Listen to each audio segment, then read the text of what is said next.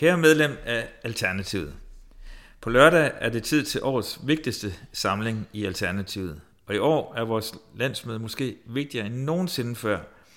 Sådan som jeg også har skrevet i den skriftlige beretning, der er sendt ud i forbindelse med landsmødet. Og der er et link til den beretning her i nyhedsbrevet. Og det er det dels fordi vi står på et definerende sted i menneskehedens historie, og vi som parti og bevægelse og individer skal vise, at vi forstår klimakrisens alvor og den eksistentielle trussel, som den udgør mod livet, som vi kender det. Og dels fordi vi samtidig står foran hele to valg, nemlig valget til Folketinget og valget til Europaparlamentet. Uanset om statsministeren allerede har udskrevet folketingsvalget, øh, når forhåbentlig mange af os mødes i Odense på lørdag, er landsmødet et vigtigt samlingspunkt for os, så vi kan sikre, at klimaet står øverst på dagsordenen i valgkampen, kampene, og så vi kan skabe det bedst mulige udgangspunkt for gode resultater for vores parti og bevægelse ved de to valg. Let bliver den kommende tid næppe, men vigtigt er det. For folketingsvalget gælder det, at vi står foran den svære toer. Sådan må det være, når ens første forsøg var et uventet hit, og når det øvrige Centrum Venstre har regrupperet sig efter den fejlslagende regeringsperiode med Socialdemokratiet, Radikale og SF i roret, der trods gode intentioner efter 10 år med en borgerlig regering var martret af en påstået nødvendighedens politik, som bød på alt fra salget af dong over folkeskolereform og New Public Management i den offentlige sektor til selskabslettelser, mens velfærden blev udhulet. Og hvad angår valget til Europaparlamentet, skal vi ligesom vi gjorde til Folketingsvalget sidst, overbevise vælgerne om, at netop vores nye projekt er det, som de bør fæstne deres tillid til. Jeg er sikker på, at vi nok skal kunne løfte de opgaver, vi står overfor, selvom de er store. Vi står på en solid, konkret og visionær politisk platform.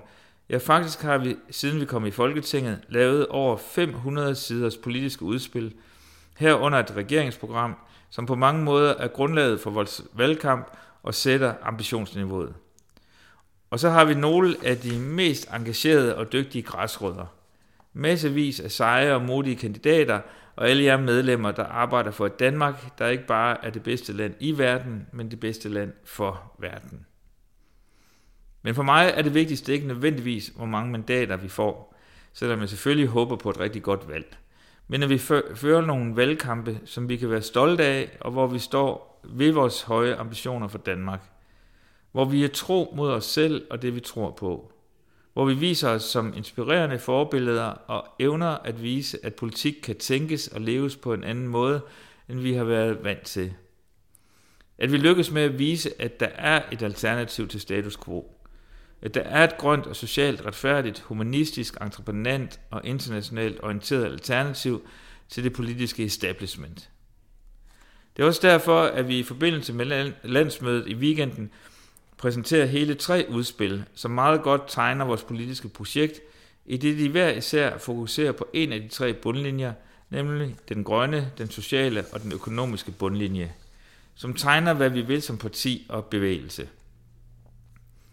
Jeg har som politisk leder afgivet min beretning forud for årets landsmøde, men for mig er det egentlig lige så vigtigt, at du op i hovedet eller sammen med dine partikollegaer på landsmødet selv tænker tilbage på den rejse, vi har været ude på indtil videre. Så vi på landsmødet eller i valgkampen eller hen over middags, middag, middagsbordene kan dele alle de historier om, hvor langt vi er kommet, siden alternativet kun var en idé om noget andet. En flygtig tanke, en skitse og nogle stiplede linjer. Det var nemlig ikke givet, at det overhovedet skulle lykkes. At vi står her endnu, at vi fik samlet alle de nødvendige underskrifter, at vi sammen fik skrevet et partiprogram, at vi fik lavet politiske forlig og rykket den offentlige samtale, hvad end det så gælder kødfrie dage, 30 timers arbejdsuge eller et mere involverende demokrati. Det var ikke givet, at vi fik valgt bestyrelser, at vi fik valgt kandidater, der siden blev vekslet til mandater, til borgmestre, det var ikke givet, at vi overhovedet kom en hel valgperiode igennem. Det er kun lykkedes, fordi vi gav det et forsøg. Gjorde vores bedste, grinede og græd, sled og slæbte sammen. Så tak for det. Det er os, der er alternativet til sammen. Netop det forestående valg og vores høje ambitioner betyder også, at vi blev trygtestet af medierne, af de andre partier og af os selv. Det er naturligt, og det skal vi selvfølgelig også kunne stå igennem. For vi har begået fejl, både store og små fejl. Vi er blevet klogere, vi har lært, og skal lære endnu mere. Sådan er det, for det er ikke nemt at starte et nyt parti og bevægelse. Se bare, hvor få der lykkes med det. Det er heller ikke let at skabe en ny og bedre politisk kultur. Det havde vi heller aldrig troet, det ville være, for der er masser af dilemmaer. Nogle efterspørger mere ledelse, andre kommer i mindretal, nogle føler sig trumlet, andre efterlyser konsekvenser. Vi prøver hele tiden at balancere de mange ønsker, håb og drømme, som vi alle sammen har for Alternativet. Det skal vi blive ved med, for det er pokkers vigtigt, det vi har gang i. Pokkers vigtigt. Det ved jeg, vi er enige om. Det meste af det nyhedsbrev, øh, det nyhedsbrev har, handlet om, øh, har handlet om landsmødet. Men jeg vil lige dele et par gode ting øh, fra nogle af vores andre folkevalgte, som fortjener et bredt publikum. Først en artikel om, at københavnerne er klar med mere plantebaseret og økologisk mad, som vores kultur- og fritidsborgmester Franziska Rosenkilde har andel i. Det er et rigtigt positivt tiltag, som jeg håber spreder sig til endnu flere egne af landet, og der er en, et link til artiklen i nyhedsbrevet. Dernæst vil jeg dele en opfordring fra vores øh, gruppeforkvinde, Karolina Magdalene Meyer, der opfordrer forældrene til at holde deres skolebørn hjemme fra de nationale test, som igen og igen har vist sig at være totalt ubrugelige som læringsværktøj, og som både elever, lærere og forskere ikke kan se ideen i. Det er, en trist, det er et trist udtryk for den detaljstyring, som folkeskolen er blevet underlagt. Så lad os droppe de nationale test. Og igen er der et link i nyhedsbrevet til en artikel fra TV2, der fortæller meget mere om det, Karolina sagde. Og endelig vil jeg gøre opmærksom på, at vores hjemløse ordfører Thorsten Geil for nylig endnu en gang holdt den sociale fane højt, da han sov med de hjemløse på Christiansborg Slotsplads.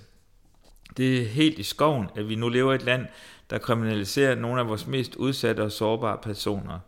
Derfor er jeg også glad for, at Thorsten for nylig stillede forslag i Folketinget om at afskaffe zoneforbud og tilbagerulle strafskærpelsen for tiggeri. Det er sådan nogle ting, som dem jeg lige har nævnt, der gør mig virkelig stolt over at være politisk leder for Alternativet. Der er så meget, vi endnu skal nå.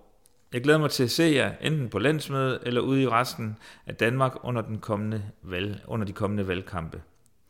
Men vi skal også lige nå tre inspirationsnedslag. Og det første er den nye øh, naturdokumentar Our Planet, som er et samarbejde mellem Netflix og Verdensnaturfonden, og som i øvrigt er den første naturdokumentar, som Netflix har produceret.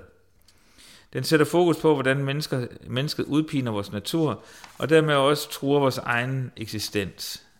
Den adskiller sig fra mange andre naturdokumentarer ved ikke bare at vise naturens skønhed, men også at sætte fokus på, hvor galt det kan gå, hvis vi ikke omgående ændrer adfærd. Se mere om den øh, på linket i nyhedsbrevet. Det andet inspirationsnedslag er en fortælling om Marit Sonja Bik, der med god ret kalder sig selv for klimarealist, og som har sat sig for at leve som CO2-neutral som muligt.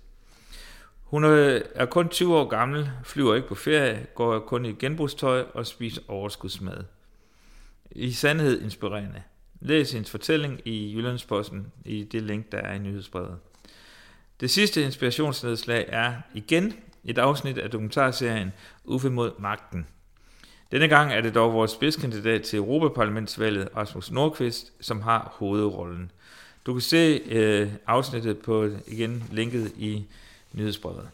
Og dermed følger Rasmus i den valgkamp for et grønnere, og mere solidarisk Europa, der allerede er i fuld gang. Okay, så have det rigtig godt, og så håber jeg, at vi ser så mange af hinanden til landsmødet på lørdag.